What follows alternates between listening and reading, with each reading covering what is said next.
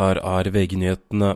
De som skal hjem fra vinterferien i dag må beregne god tid i trafikken. Det opplyser Statens vegvesen. Til tross for fine kjøreforhold i store deler av landet er det ventet en del trafikk.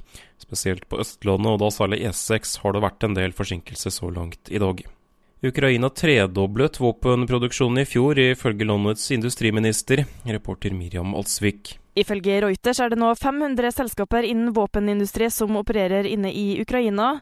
De planlegger også å øke våpenproduksjonen betydelig i året som kommer.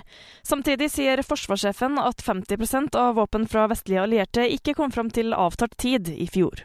Israel, Egypt, Qatar og USA er enige om rammen for en gisselavtale i forbindelse med våpenhvile. Det sier USAs sikkerhetsrådgiver Jake Sullivan til NBC. Sullivan presiserer samtidig at forhandlingene fortsatt pågår, og at de er avhengig av indirekte samtaler med Hamas.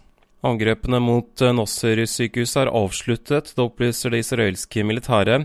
Det har pågått kamper ved Nasser-sykehuset i flere uker, og den siste uken har sykehuset vært ute av drift. I studio André Ødeby, nyhetene alltid på VG.